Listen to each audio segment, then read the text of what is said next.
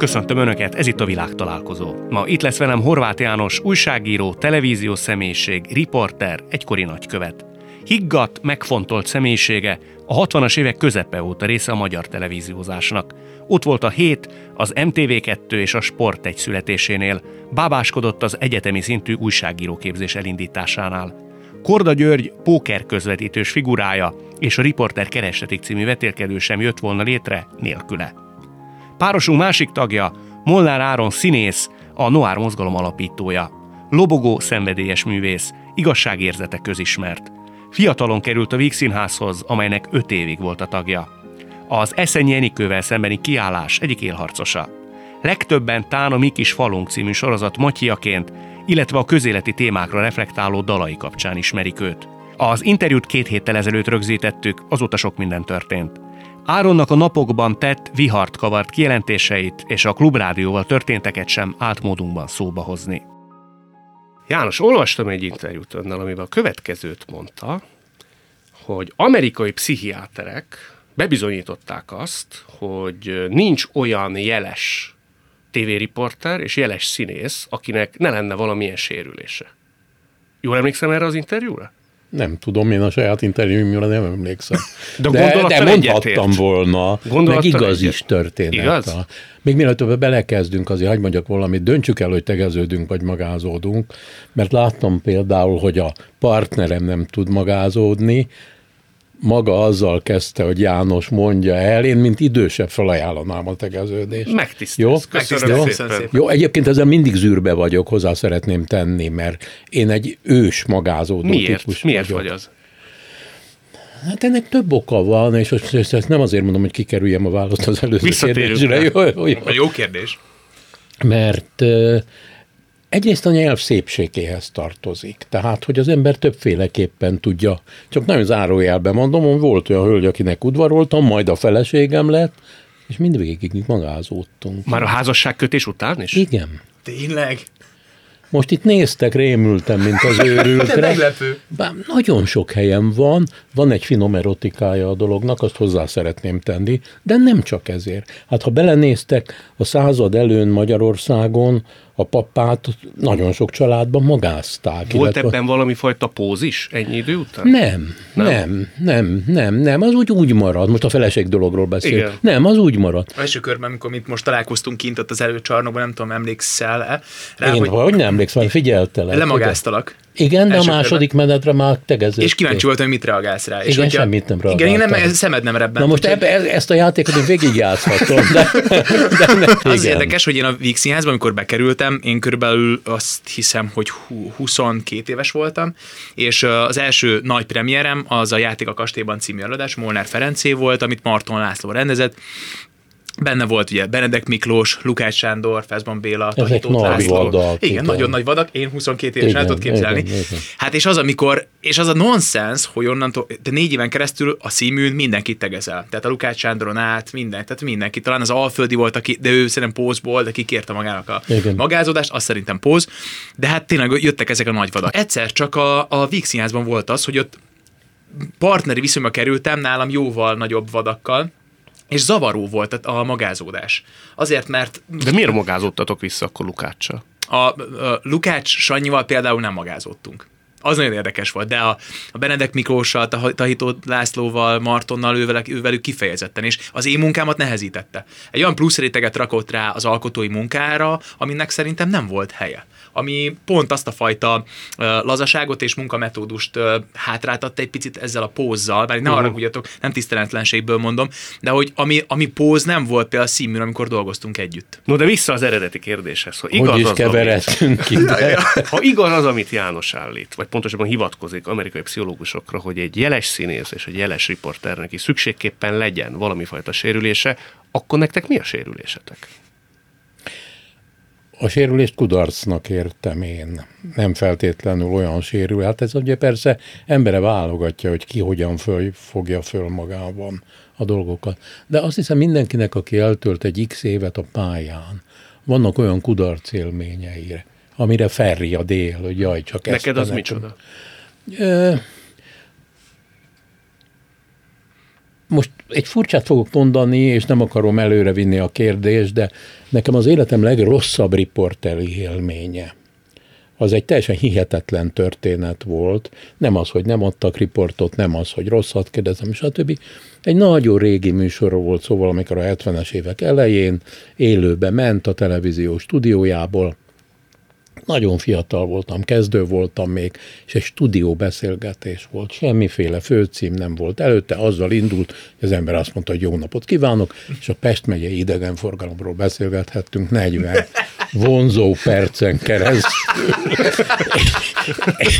és, akkor ugye még a stúdióban ilyen nagy mocorgás, minden, jött a pasi a létrával, és úgy odaszóltam, hogy hát izéld meg, ma mi áll, csinálsz itt azzal a létre? És ránéztem magam előtt a monitorra, és láttam Írek magam. megy. Ó, Na most ugye a kérdés a fejemben, miközben Szél Szentendre szépségeit ecsetelgették mellettem, végig az volt, végig az volt, hogy ki ment ehhez adásba. Ezt én nem tudom megkérdezni, hogy senkitől. Nem tudom leállítani a műsort, mert élő. És ment 40 percig úgy, hogy a végén a szószoros értelmében a szék mellett csorgott a verejtékem a földre és végül is kiment?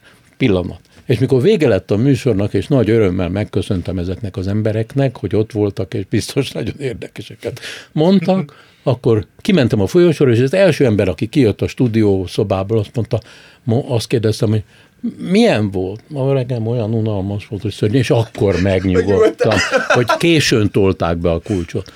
És akkor erre én nagyon sokszor felriadtam. Utána határoztam el egész életemre vonatkoztatva, hogy soha élő stúdióban nem dumálok.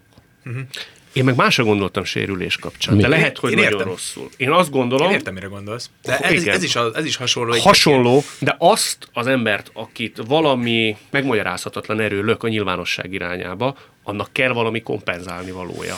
Na most ez szerintem egy nagyon érdekes dolog, amiről, amit pe- me- megpendítettél, mi nem soká, nemrég volt egy osztálytalálkozónk, ilyen színműs osztálytalálkozón, ahol összeültünk és beszélgettünk a színműs éveinkről. Börcsök Enikő nekünk az osztályfőnök helyettesünk volt, és az ő halála kapcsán Igen. jött föl egy nagyon-nagyon sok olyan dolog, ami velünk történt a színműn. Ö, Gáfival, Áccsal, Börcsivel, stb. Tehát, hogy ők milyen szeretetben neveltek minket, vagy vittek tovább, és hogy ők egyébként milyen brutális körülmények között lettek színészek. Tehát, hogy a horvai kapács generáció, az a nagyon nagy részük ők a mesterség óra előtt hánytak a WC-ben. Minden egyes mesterség óra előtt három órakor. Annyira féltek Igen, tőlük? rettegtek. Rettegtek. De mit csináltak velük, hogy rettegni kell? E- Ezt tőlük kell megkérdezni. De ők nem mondták el? Ne, elmondják, szerintem el, el, el, biztos, hogy valaki el tudja mondani, de szerintem van egy generáció, aki most tanít, aki most vezető, Kossuth Díjas vezető színész, akik abban a, abban a metódusban nőttek föl, amit to- tovább próbálnak tanítani, ami szerintem egy téves irány. És a gáfék azért nem ugyanezt csinálták, de az, amiről te beszélsz, az szerintem egy iskola. És itt jön a képbe egy nagyon-nagyon fontos pe, ö, aspektus, hogy több iskolát kell megtanulni már a színműn is. Tehát nem úgy van, hogy csak a Stanislavski metódus van, és onnantól kezdve csak azt lehet tanulni, nem van a Meyerholdi, van egyébként csak a technikára rámenő stílus, van a film, stb. Egy csomó minden metódus van. Mert hogyha mindig ezzel fogunk dolgozni, a sérüléseinkkel, akkor egyszer csak azon fogjuk kapni magunkat, hogy azok a traumák, amelyekből dolgozunk, azok az élmények, amelyeket a színpadon felhasítunk magunkból, azokat mondjuk egy pszichoszínházban, egy pszichológusnál egyszer dolgozott fel, és annak köszönhetően te megkönnyebbülsz, átéled, újraéled, és el tudod engedni. Még ha jól értem, van olyan módszer, hogy folyamatosan ezt kapargatni kell. Én színészként egy csomó hely, például az ügynök halálában lévő, mikor a biffet játszom, pontosan ez a félelmetes, hogy minden egyes alkalommal, és most is kiráz ide, ha rá gondolok, minden egyes alkalommal föl kell tépjem azt a traumát az életemben, ami történt velem, mert akkor fog sikerülni az utolsó vége monológ. És Ez ezt elmeséled nekünk, hogy az micsoda? nem, dehogy is. Azért nem fogom elmesélni, mert Gálfi László egyszer azt mondta nekünk, hogy minden színésznek legyen titka. Nekem ez a titkom. Kishont Ildikó azt mondta egyszer egy interjúban, hogy az az ember, akinek nincs titka, az érdektelen ember. Ez nagyon megmaradt. Azért érdekes ez, mert közben én érzem, hogy te azt szeretnéd hallani, hogy a, hogy a sérülés, hogy valakit Abszolút. megaláztak a, az a munkájában, és, és stb. kicsi, és nagy szeretne lenni, már méretre nagy, és kicsi szeretne lenni. én, én, én mikor ezt az idézetet, ha én idéztem, akkor valami, én inkább ilyesfajta sérülésekre gondoltam, ami a pályán ér, ér bennünket, ami egyébként nem zárja ki hogy ez az egész történet a gyerekkori sérüléseinkig vissza tud Mi meggyőződésem. Tudnék is mondani egy-egy példát mindkettőtökre, de nem akarom elvenni előletek a szót, hogy én mire gondolom. Elmondhatom? Oh, hát, hát, persze. Jó, hát ezért jöttünk, utána mindjárt megyünk is. Szerintem neked az, hogy a te nagybátyád kvázi pótapakép volt gyerekkorodban, Igen. neki szerettél volna valamilyen szinten megfelelni, noha ő ugye orvos volt, ő nagyon szeretett volna újságíró lenni, neki szerettél volna kedvezni, hogy azt a pályát Ez választod. Igaz. Mindeközben te hosszú évekig nem láthattad apukádat, csak hétvégente. Igen.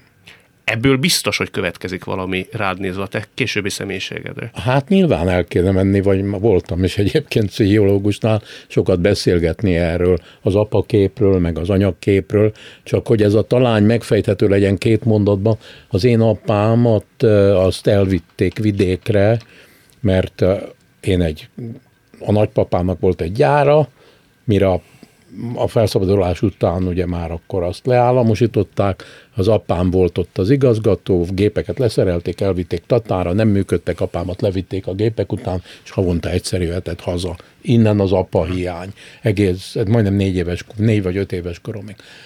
A nagybátyám meg egy kifejezetten értelmiségi ember volt, aki, akinek ilyen írói ambíciója van, voltak, miközben az egyik legnagyobb magyar röntgenorológus lett, és, és végig orvosként dolgozott.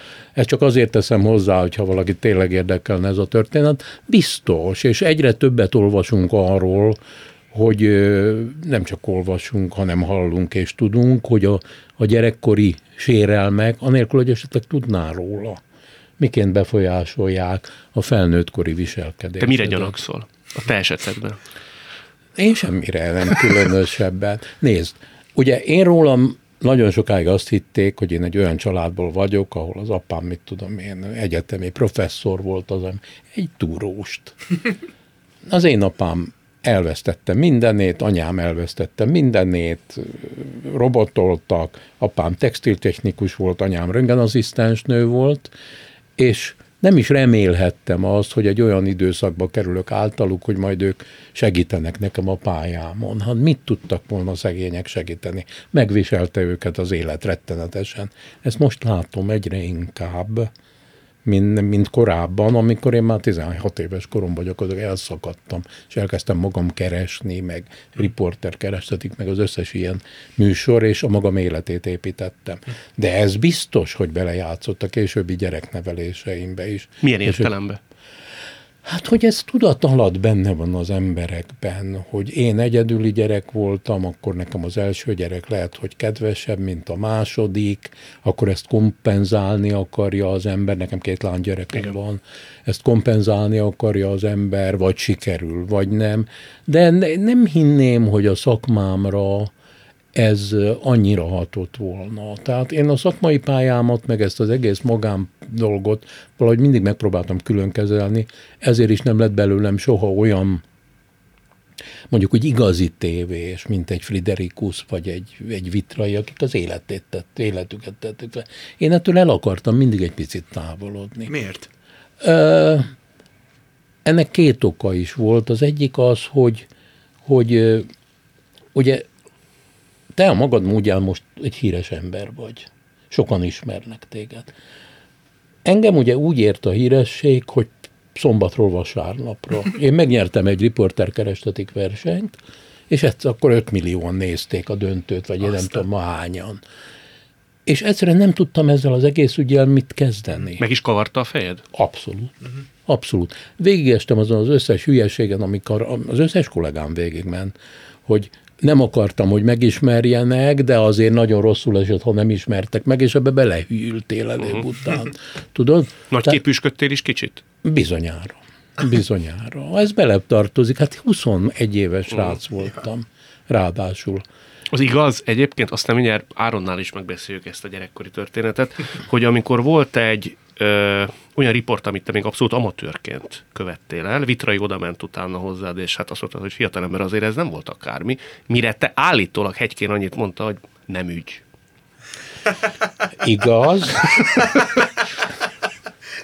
Igaz, azóta is szégyellem a dolgot egyébként. Miért szégyelled?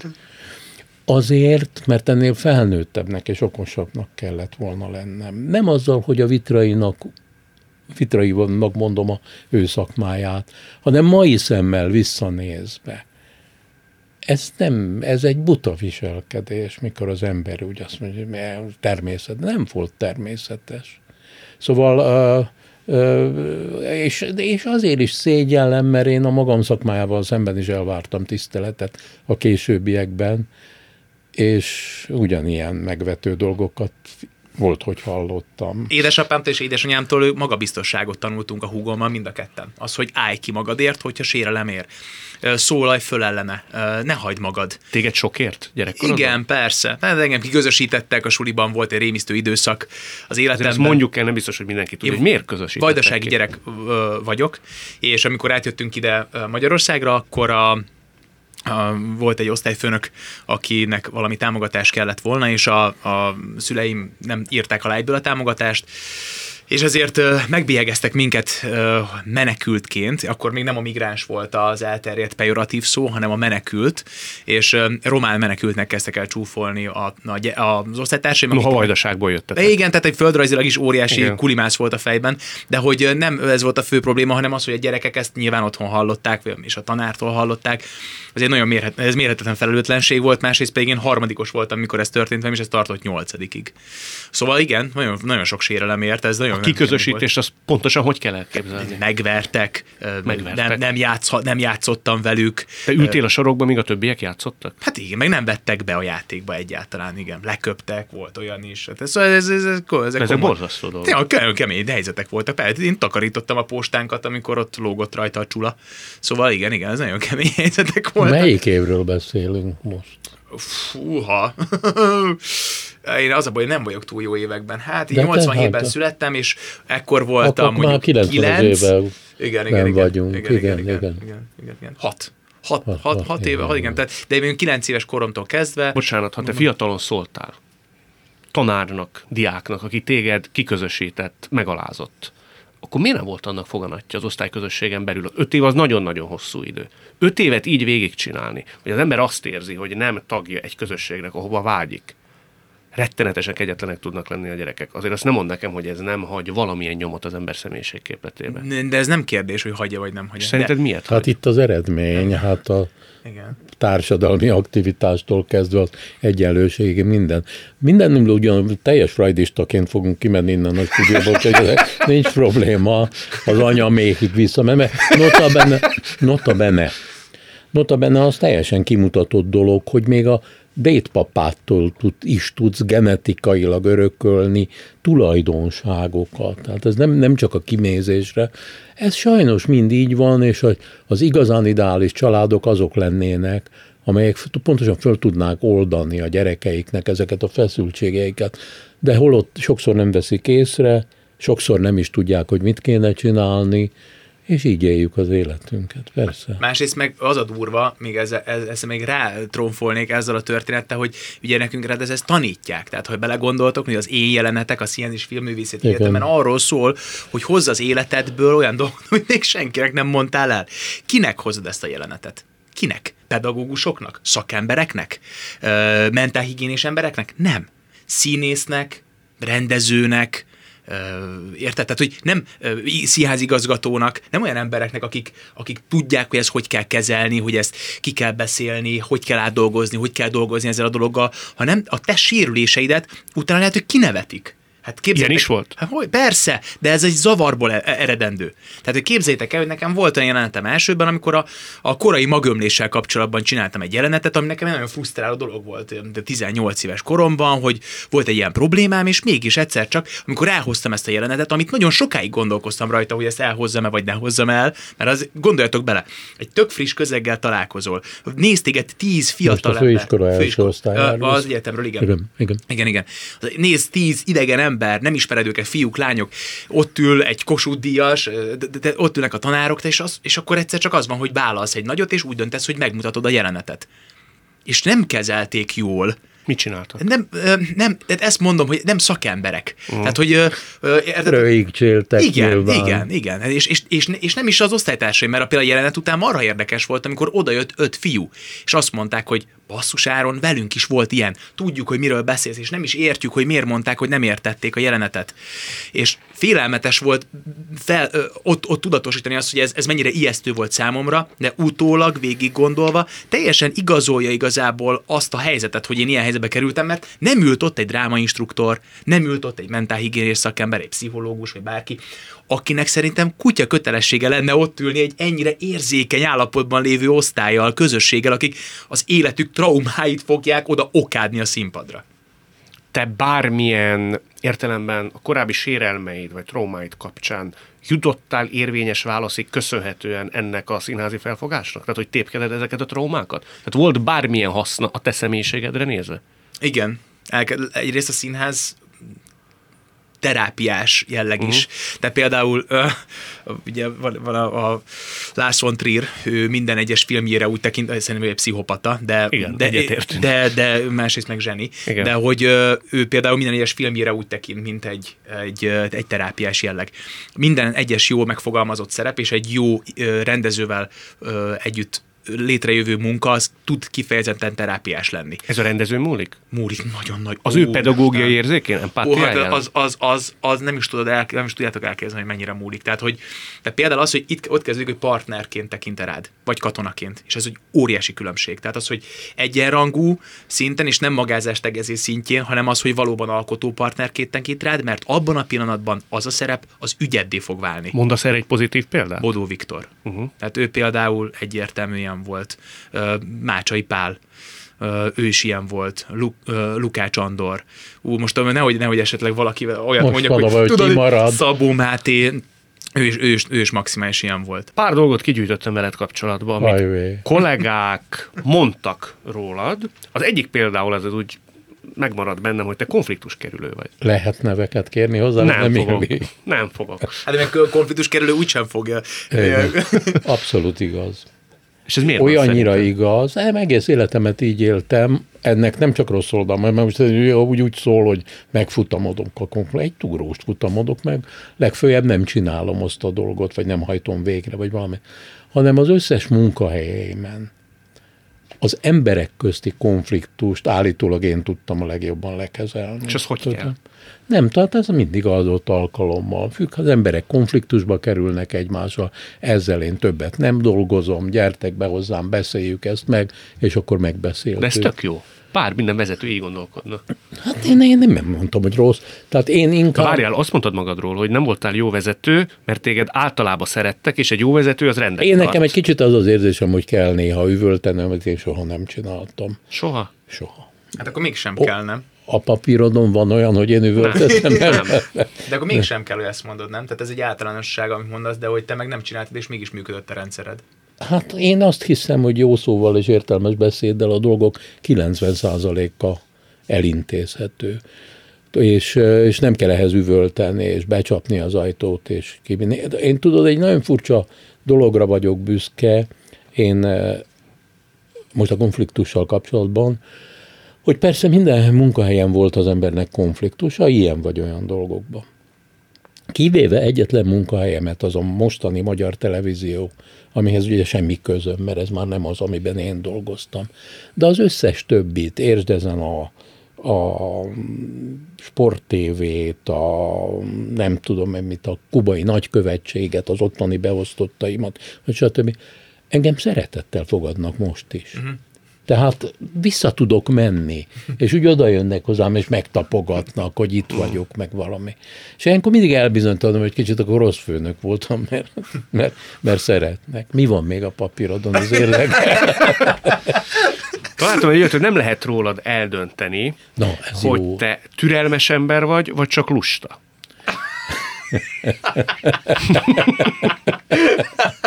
Én ezt segítek eldönteni, lusta. Lusta vagy? Igen. Tudom, hogy a másikat vártad, lusta vagyok. Szóval azért ez egy, na- a következőbe gondolj bele. Magyarországon azért a rangér, hírér, ami nekem volt, most már kevésbé van, mert ugye egy korosztály kiszalad ebből, azért mindenki iszonyú keményen küzdött.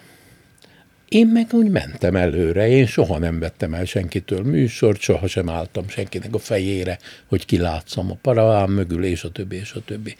Mert volt a kezdet, ami egy ilyen jó kezdet volt, ez a riporter kerestetik. És én mindig válogathattam a munkák közül. Ez szerencse kérdése is? Nem. Nem. Nyilván, hogy nem szerencse kérdése. A szerencse, azt tudod, az egy olyan dolog, hogy a szerencse mindenkivel szembe jön, csak nem mindenki ismeri fel. Ezt most komolyan mondom. Na, jó, jó, van jó. Tehát csak nem mindenki ismeri fel. Veled is, velem is. És száz esetben, ha egyszer jól felismered, akkor jól haladsz előre. Én a saját szakmámban soha senkit nem tiportam le. Tehát ilyen értelemben lusta voltam, ha úgy tetszik. Nem mentem műsoruk után. Jöttek azok maguktól. Hiányérzeted van ilyen értelemben? Érdekes módon egy ügyben van hiányérzetem, és most ki fogsz nevetni. Én soha nem csináltam olyan műsort, már milyen hihetetlen, mint te. Tehát én nekem soha nem volt olyan műsorom, hogy kettesbe beszélgetek valakivel, vagy hármasba, ez most tök mindegy. De nem azért lehet ez, és megint csak, aztán már nem foglak itt Horváth János idézetekkel fárasztani, Igen, de visszatérő. ezek nem az én idézetek, Ezek nem, rólam. úgy általában véve, igen, igen, hogy nekem az derült ki, hogy téged nem érdekeltek annyira az alanyok, mint sokunkat. Tehát Igen. idő után te elkezdtél unatkozni. Benned nem volt az a nagy igazi emberi Rövid, rövid, érdeklődés. rövidítő után már. Igen? Nem, hát most, most karikírozom a dolgot, de való igaz, hogy amikor a pályámnak ugye a 20. évébe voltam, én 64-be kezdtem végül is a riporter kerestetikkel. Akkor én már, akkor, amit az előbb mondtam a Vitraira, meg a Friderikusra, hogy ezeknek ez volt az életük, hogy érdeklődtek emberek után. Ahogy nézlek, te is egy ilyen típus vagy. Téged érdekel ez, hogy itt neked miként jön ki a haditerved, amit kettőnkre Nincs haditerv, csak az első kérdés, igen. Jó, jó, jó. Meg, meg, meg akkor úgy érdekel, hogy most figyelsz rám, Abszolút. és érdekel, és vissza tudnád mondani. Mindjárt megkérdezem meg.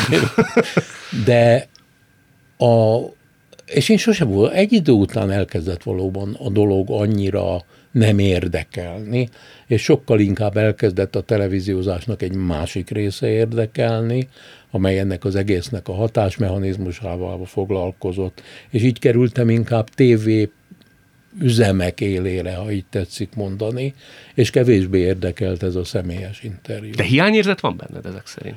Van, van, van, mert, mert, mert néha megirigylem azokat az embereket, téged is egyébként, most megnéztem egy pár műsorodat, illetve meghallgattam, hogy milyen jó dolog ez, hogy valakit ennyire őszintén. Van nekem egy barátom, a Kepes Andris. Az Andrissal, ha leülök beszélgetni, valami fantasztikus érzés, ezt az ember tényleg érdekli, amit én mondok. Ezt olyan kevésnél látjuk. Szóval ő tényleg meg akarja hallgatni azt, amit én elmondok, hogy de itt nem arról van, hogy segíteni kell, nem segíteni kell. Beszélgetünk. Érdekli. Lehet, hogy én érdekeset mondok, de biztos mondok érdektelent is. Érdekli. És ennyiben valóban van egy hiányérzetem magam irányába, mi a fensznek játszom én itt magamat, hogy televíziós riporter, Ez itt továbbra is a világtalálkozó Horváth Jánossal és Molnár Áronnal. Áron azt mondja ugye János, hogy szerinte nincs szerencse, azt föl kell ismerni. Én mondok egy történetet. Nem azt mondtam, kapcsolatban. azt mondtam, hogy szerencse Se van, csak fel kell is, mindenki fel- önmagában nincs mázli. A Igen, mázli csak egy esély, tulajdonképpen Igen, ezt igen, állítja igen. János. Lehet, hogy én mondok egy olyat, ahol szerintem neked kellett a szerencse, vagy majd elmondod, hogy pontosan micsoda. Ugye Szabó Győző kinézett téged a Toxikoma című könyvének a megfilmesítésének a főszerepére, kvázi őt alakítod ebben a filmben. Igen. Elmentél a castingra, ahol a te elmondásod szerint Herendi Gábor a végén azt mondta, hogy hát köszönjük, mert te nem voltál jó. Noha kaptál még egy esélyt. Miért kaptál még egy esélyt? Az ritkán van, valaki nagyon rossz, és azt mondják, hogy próbáld meg még egyszer. Hát bizt, az a helyzet, hogy az életem első interjúi között emlékszem a Szalag címre, amikor azt mondtam, hogy nem hiszek a szerencsében. Ez volt az első talán, amit így mondtam, így nyilvánosan, és azóta ezt tartom, ezt a dolgot. Nem, ha nagy kontextusában nézzük ezt a, a képet, teljes mértékben egyetértek, simán szembe jöhet a szerencse, és észre lehet venni ezt a dolgot.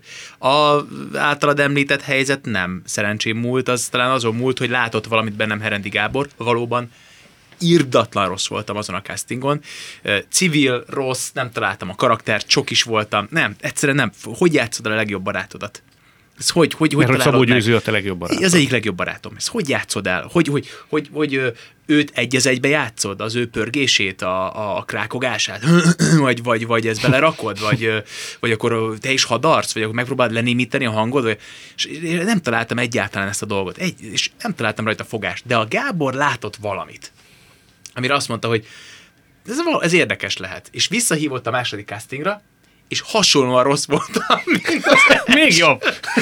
Elképesztő. Elképesztő volt, de, de, de valami oknál fogva biztos győzővel is beszélt, ő, ő is gondolkozott ezen a dolgon, stb. stb. El, elhívott egy harmadik castingra, és emlékszem arra, hogy de, de közben előtte azt éreztem, hogy annyira rossz voltam, hogy nekem ez nem, hogy kedvem nincs, hanem az élettől elment. Tehát az egész színészettől elment a kedvem, hogy hát ha én ilyen, ilyen rossz vagyok, akkor ennek már nincs is semmi értelme. Ez, ez egy komolyabb marcangolási metódus, amikor nem jön össze egy casting, főleg egy ilyen klassz szerep, és aztán harmadikra, amikor elmentem, akkor emlékszem, hogy nekem nagy segítséget jelentenek a dokumentumfilmek.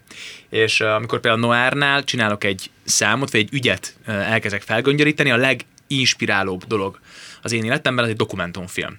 Mert ott nincs kamu. Ott minden az az, ami. Az, ami. Tehát ott, ott nem, nem, nem, nem játszik senki szerepet, vagy ha játszik is, benne van egy olyan bőrben, ami, ami nagyon érvényes. És megnéztem a heroinról egy dokumentumfilmet akkor, hogy ez hogy és miképpen nézett ki így a 90-es, 2000-es években, és egy nagyon penge dokumentumfilm volt. És ott láttam meg igazán, hogy, hogy nem a Szabó győzőt kell, hogy eljátszam, hanem a Szabó győző problematikáján keresztül beszélve a saját problémáimról, a saját ügyeimről, a saját titkaimról. A ö, heroint kell, hogy eljátszom. igen, hogy igen, és hogy, és hogy mit okoz Igen, az a igen. szer, mit okozna az én Igen. életemben a szer, mérhetetlenül fájdalmas, és uh, ilyen nagyon személyes ügyé vált az egy casting, és azt mondta Gábor, hogy Áron, ez mi volt? a harmadik casting, hogy na, ez az, ez, ez lesz az, és akkor utána működött. Nem, szer- nem szerencsém múlt. A uh, Gábor hitén múlt. Ez azon múlt, hogy ne, nincs meggyőződés. Tehát nem volt meggyőződés. A meggyőződés és hit között ugye pont ez a különbség, hogy nincs tapasztalati út. Tehát az a tapasztalat az az volt, hogy ez a, gá, ez, ez a gyerek ez rossz. De, de közben a hit meg az volt, hogy de itt valami miatt a győző mondja, val- valami van ebben a srácban. És tovább mentünk, és amikor vége volt a forgatásnak, és volt egy ilyen buli, ahol így beszélgettünk egymással, hogy hogy sikerült a forgatás. A Gábornak ez volt a, a záró mondat, amikor elbúcsúztunk egymástól, hogy nagyon rossz voltál a castingon. Ezt mondta, hogy magában, mondom, mondjál valami pozitívat is. De mondta. Mondott? És mit mondott? A legpozitívabb az volt, amikor a harmadik nap forgattunk a Katona József színházban, és így félrehívott, és mondta, hogy na most nyugodtam meg. Hát nyilván Hú, ez egy nagyon fontos mondat. Hú, hát te hülyeskedsz. Hát ez, ez, hú, ez nagyon, nagyon, ez durva volt, mert én emlékszem arra, hogy eltelik két casting, nem annyira jó a srác. Van egy casting, ahol jó a srác, van egy negyedik casting, ahol nem ro- még mindig működik, amikor már a feleségemet kerestük, és volt egy öt, én öt, ötször casting voltam, öt castingon voltam, és aztán Barnával, aki a Csernus játsza, Bányik Élmen Barnával eresztettek össze, és ott nagyon jó kémia működött kettőnk között, és egyszer csak azon, az volt, hogy de még mindig nem forgatunk. Tehát, hogy lehet, hogy ez a srác eljön a forgatás, és hasonlóan szar lesz, mint az első castingon. Nem, és végigmentünk, és az nekem nagyon megnyugtató volt, hogy megbízott bennem, de én, amikor elkezdtünk forgatni, egyáltalán nem úgy álltam hozzá színészként, hogy én a Gábornak akarok bebizonyítani. Engem a szerep problémája érdekelt, és ezt ő meglátta. János, neked volt olyan korszakod, amikor úgy, most azt mondom, hogy drogoztál, de amikor úgy elengedted, élvezted az életet. Mert nagyon fegyelmezett ember hírében az. Az is oda van írva. is. És mondtam, Informálódtam. Kepes, kepes, mondta. Informálódtam. Nem. Szóval az az érzés, az a, jó, egyébként azért örülök a kérdésnek, mert ez az így életem nagy fájdalma. Hogy én 64-ben, mikor ugye bekerültem ebbe a riporterkerestetik útján a televízióba, mert rögtön elkezdtem külsőzni, nekem az a klasszikus egyetemi időszak, ami másoknak van, eljár ide, oda, kimaradt. Én elmentem tanul, nem voltam tök jeles tanuló, de jól tanultam az egyetemen, és utána rohantam a tévébe dolgozni Aha. külsősként. Később se pótoltad be? És később se portoltam be, mert ez fáj igazán. De miért nem pótoltad be? Mert akkor, mert akkor végigmentem ezeken, amikről az előbb beszéltünk, most híres ember vagyok, most nem tudok tombolni, nem engedhetem el magam. Most lehet, hogy most már itten közel a 80-hoz elkezdenék tombolni, de ki akar velem, de együtt tombolni. Szóval eh, erre mondom, hogy nekem kimaradt az életemből eh, én voltam az egyetlen nagykövet Kubában, aki nem tudott táncolni. Nem odafelejtettem, mert már előtte se tudtam. Érted? Tehát, hogy kimaradtak bizonyos ifjúkori dolgok az életemből, amiket, amik sajnál, amit sajnál. De mi történik veled egy kubai fogadáson, amikor elkezdenek nagykövetek ott táncolni? Te akkor mit Azok csinálsz? nem táncolnak, utána, amikor meghívnak, akkor van a táncol. Nem, hát akkor szépen el, elbeszélgetem. Nem volt ez, ez fájdalmas, mert egy nagykövet nem mennek rászólni, akkor még nem részeg mindenki. Mikorra már részeg kell lenni, kezd lenni, akkor eljövök. De gondolom, ez sok zavart okozott azért az életedben, hogy te nem tudsz táncolni. Nagyon Hát olyan sokat. helyzetben, Nagyon Igen? Igen? sokat. Hát az összes baráti, személyes, ismerettségi kapcsolatomban, ez nekem mindig egy ilyen gátlást jelent. elmenekülsz Egész- olyankor? Hát most már minek, de, de korábban, tehát korábban ha- elmenekültem ezekben a helyzetekben, vagy pedig konzert, tudod, hogy ez úgy van, hogy, hogy én ott ülök, és akkor egyszer csak oda pattan eléd egy helyre kis menyecske, és azt mondja, hogy táncol velem? Na, és akkor azt mondom, hogy nem táncolok, és akkor nem, akkor megmagyarázom, hogy nem azért, mert ő nem, de én nem táncolok, úgyse hiszi el, na jöjjön, kipróbáljuk, és egyre szarabb lesz a helyzet. és aztán igen, ez egy nagy, nekem az életemben ez egy nagy hiátus. De tényleg nem tudsz táncolni? Vagy Én ez egy nem blokk? Tudok. És De ez a blokk Utána már- már ez blokkol. Utána, nyilván nagyon neki szaladnék, akkor tudnék táncolni, akkor, de, de ez például leblokkolt. És érdekes, hogy, hogy nekem két dolog hiányzik az életemből, amiről magamnak is állandóan számot adok. Az egyik ez, amiről most beszélünk, a má- a másik a zene. Ez összefügg vele egyébként. Legyen komoly zene, legyen könnyű zene, kimaradt a zene, maradjunk ebbe. Tehát ez a két dolog, ez nagyon hiányzott nekem. És ha már a hölgyeket említed, aztán annyit fogsz erről mesélni, amennyit akarsz, de egy ilyen fegyelmezett ember, azt tudod például hogy nagy szenvedéllyel szeret, nagy szenvedélyes életet Sajnos él? igen. Sajnos, igen? Sajnos igen. Azokat nehéz volt kontrollálni, mert a, és akkor inkább az ember ugye bezárkózik. Van, aki élve, nekem volt olyan barátom, aki már járni nem tudott, de állandóan azt magyarázta nekem, hogy szerelmesnek kell lenni, szerelmes, és igaza volt. Én meg mindig azt mondtam neki, hogy előbb menj el egy gyógyfürdőbe, aztán csináld meg a térdedet, aztán... De, De hát akkor volt, amikor eldobáltad az agyad, nem? Amikor úgy észveszejtő módon azt mondtad, hogy szerelmes vagy. volt, hogyne, hogyne, hogyne. És Neked mindig- a szerelem volt a drog. mindig rosszul végződött. Hogy, hogy mindig rosszul végződött? Kivéve a gyerekeim anyjával történt házasságom. Jó, jó, hogy én- pontosítottál azért. Igen. Persze. Hirtelen végig gondoltam, hogy honnan ü- üthetnek Még időben. fejben. Igen. Nekem volt két nagy szerelmem, nem fogok neveket mondani, tehát tök mindegy, és mindkettőbe akkor szerettem bele, mikor már megvolt egy ösztöndíjam, hogy jungni. Tehát mindig úgy nyár elején, és én szeptemberben mentem egyszer Kubába, másszor Amerikába. Ez egy sorsszerűen jött. Érted? És az egyiknél még volt levélírás, akkor egy hónapig ment a levél, szóval szörnyű volt. Na. De még egyszer lehet, hogy megpróbálom. Igen? Igen. Nem ugranál el. Hát mert öregszik az ember, és gondozásra van szükség ez egy idő után.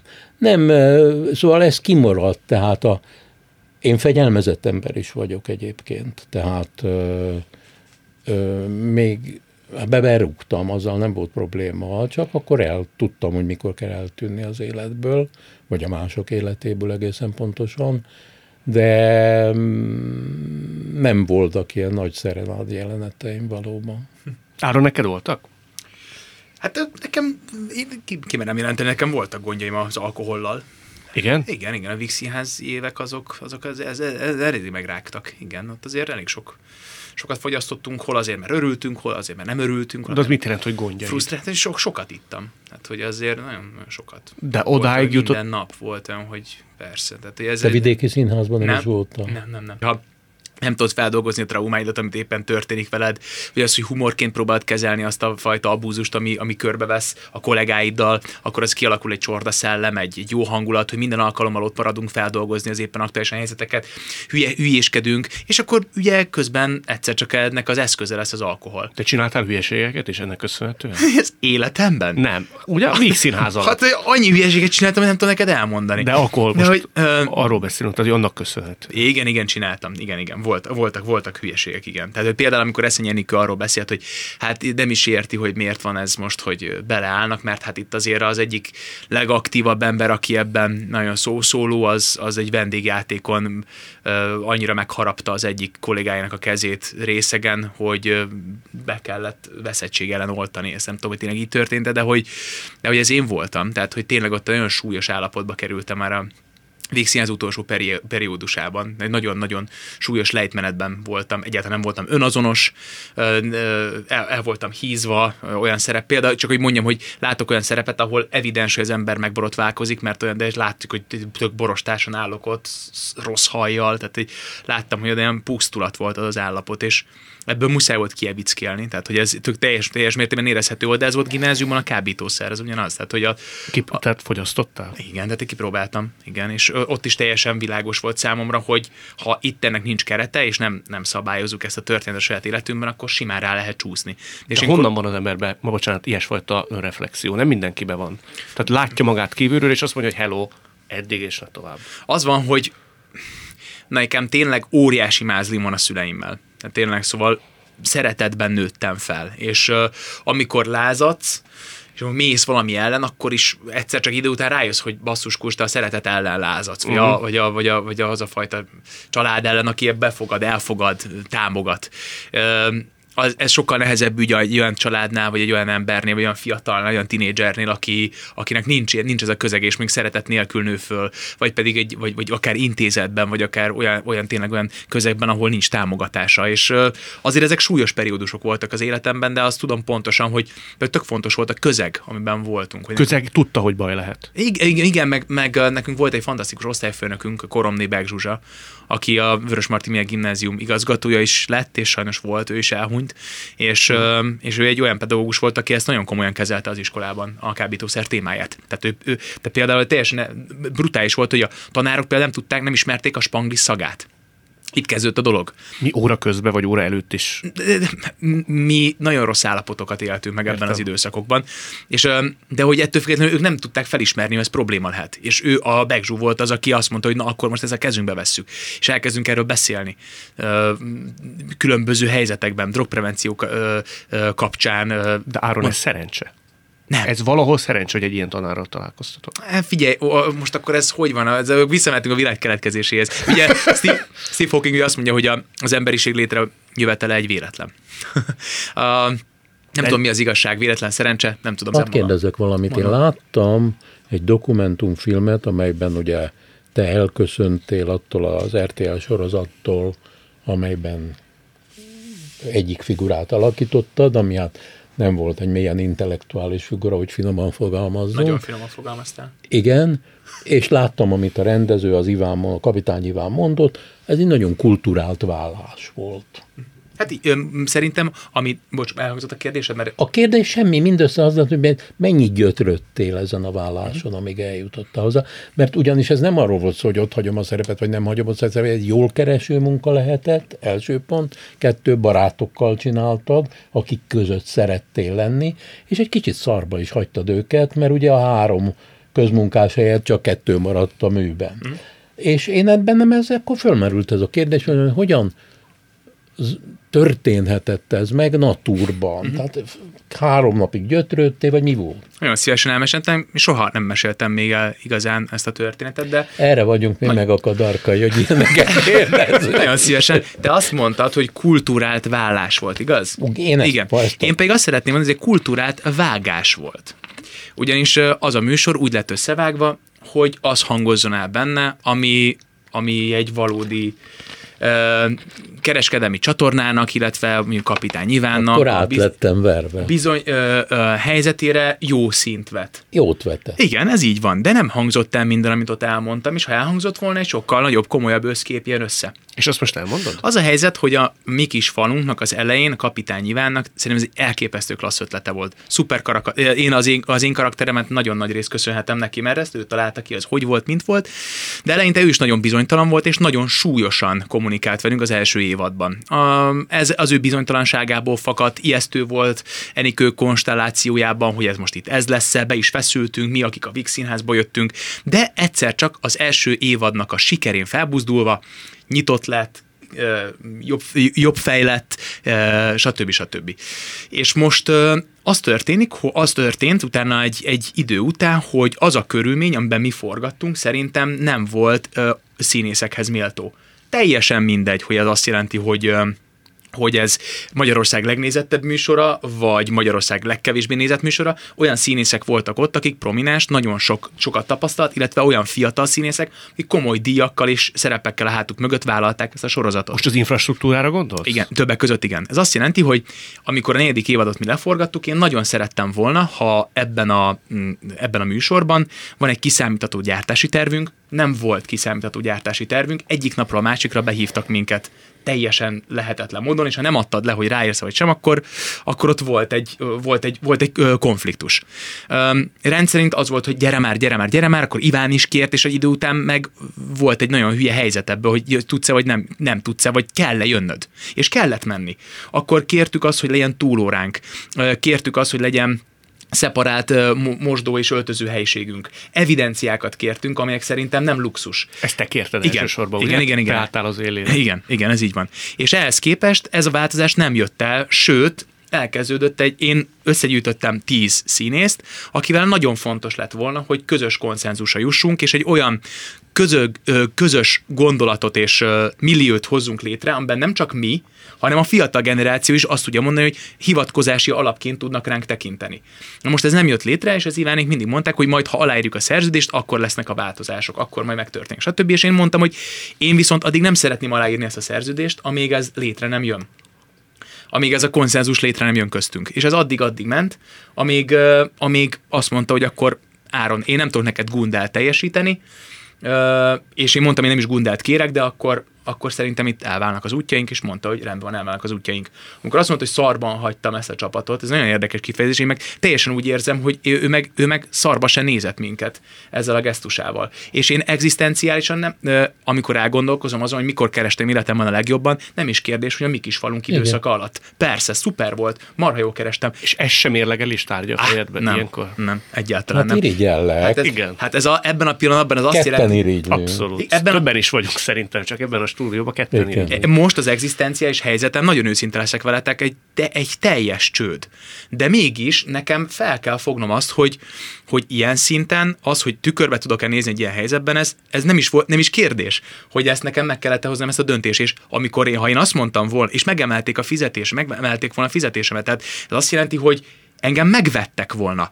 Meg, ö, megvettek volna, és leszalámizták volna azt a fajta öntudatot, és azt a fajta ö, ö, elvárást, amit én szeretnék nem csak magamnak, hanem a fiatal generációnak is, akik sokkal brutálisabb körülmények között forgatnak. Biztos vagy benne, hogy soha nem fogod ezeket megbánni, ugye? Később se, 30 év múlva se. Ak- a- a- akkor fogom megbánni, ha nem lesz változás. És azt pedig nem tudom elképzelni, hogy nem lesz változás. Uh-huh. Egyet mondj meg nekem, légy szíves, bocsánat. Amikor te egy előre szaladsz sok tekintetben, és azt mondod, hogy utálom, és a kezedben az ászló. Sokszor volt olyan, hogy visszanéztél, és már senki nem volt? Igen. Igen? Igen, igen, igen, igen. Igen, konkrétan volt. Tehát hogy én emlékszem ezekre a pillanatokra, és tudjátok, hogy mi erősít meg? A pozitív példák. Az, hogy sokkal több van a negatívból, félreértés ne esik. Tehát, hogy az, hogy egyedül maradtam, az, hogy lekoptattak, az, hogy egy ilyen helyzetben is egyedül maradtam, stb. Ez nyilvánvaló, hiszen csak én mondtam föl. De hogy... Vártál volna konkrétan emberek től olyan gesztus, hogy szolidáljanak. Tizen, indul, tizen indultunk neki. Ez, ez, egy, ez, egy, ez, egy, ez egy összetettebb történet, mert itt, itt vannak olyan szerződési feltételek, amelyek alapján például én magáról a sorozatról például nem mondhatok rosszat. Nem azt mondom, hogy itt csak gonosz és jó van, hanem vannak bizonyos helyzetek, amelyekben egy ilyen nekem például egy, amikor valaki előjön egy olyan, olyan dologgal, hogy van egy listája, amire az a, azok a nevek vannak felírva, akit ők visszautasították, és azok, azok a nevek ki vannak húzva, mint meghívott emberek, engem az megjeszt, amikor ilyet mond nekem egy rendező. De ezt hol hallottál? Hát ez, mm, válasszátok ki a két ember közül, ki mondhatta.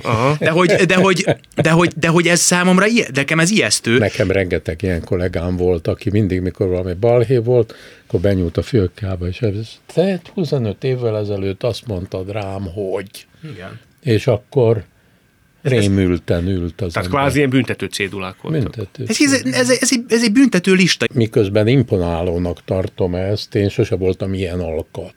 Én egyszer lázadtam, de akkor a lázadásnak magam estem áldozatul, vagy nem estem áldozatul, én szerintem nem.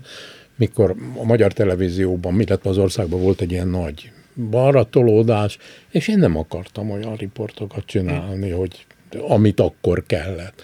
És akkor bementem a főnökömhöz, akivel emberivel nagyon jó viszonyban voltam, és azt mondtam, de Karcsi, én nem óhajtok tovább magyar képernyőn szerepelni, ebbe a televízióban, riportokkal, stb.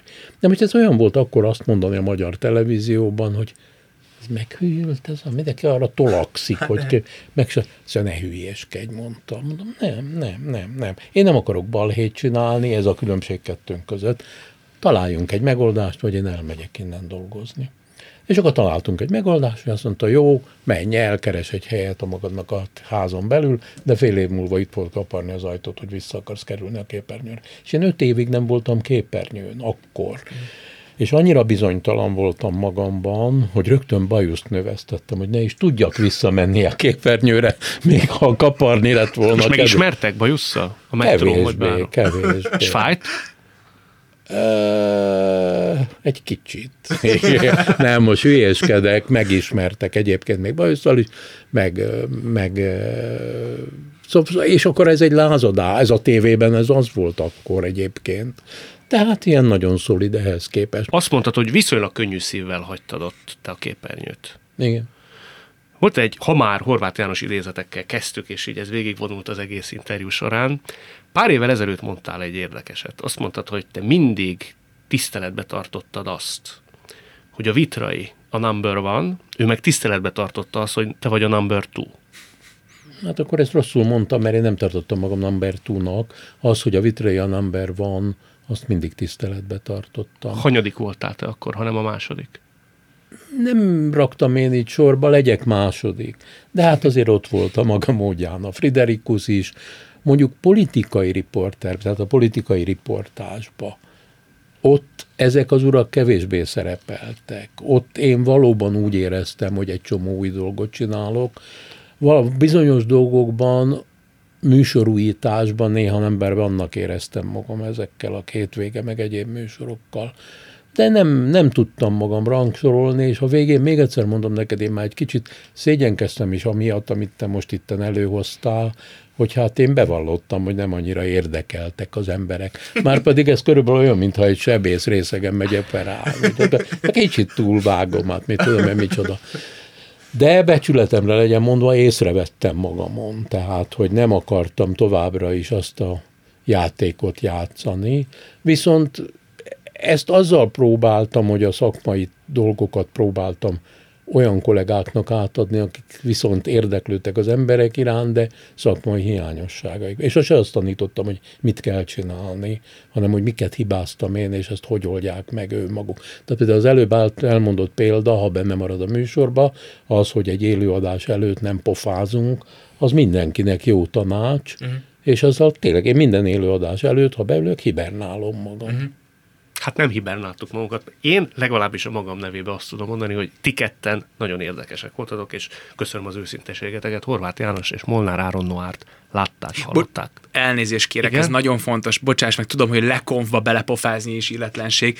Én Molnár Áron vagyok, színész, aktivista, a Noár mozgalom vezetője. A, ez, ez a pontos uh, definíció. Így fogjuk benne hogy Nagyon szépen köszönöm. Én köszönöm a beszélgetést. Eheti vendégpárosunk Horváth János és Molnár Áron volt. Világtalálkozónkat nem csak hallgathatják, de végig is nézhetik. Iminti beszélgetésünk hamarosan már látható lesz YouTube csatornámon is. Ne feledjék, a Klubrádió változatlanul folytatja, csak hétfőtől immár interneten hallhatnak majd bennünket. Kövessenek minket Facebookon, Instagramon, és iratkozzanak fel YouTube csatornánkra is. A mai adás létrejöttében köszönöm Varholik Zoltán és Rózsa Egyi Gábor segítségét. Találkozunk jövő szombaton itt, a Klubrádióban, immár online. Viszont hallásra!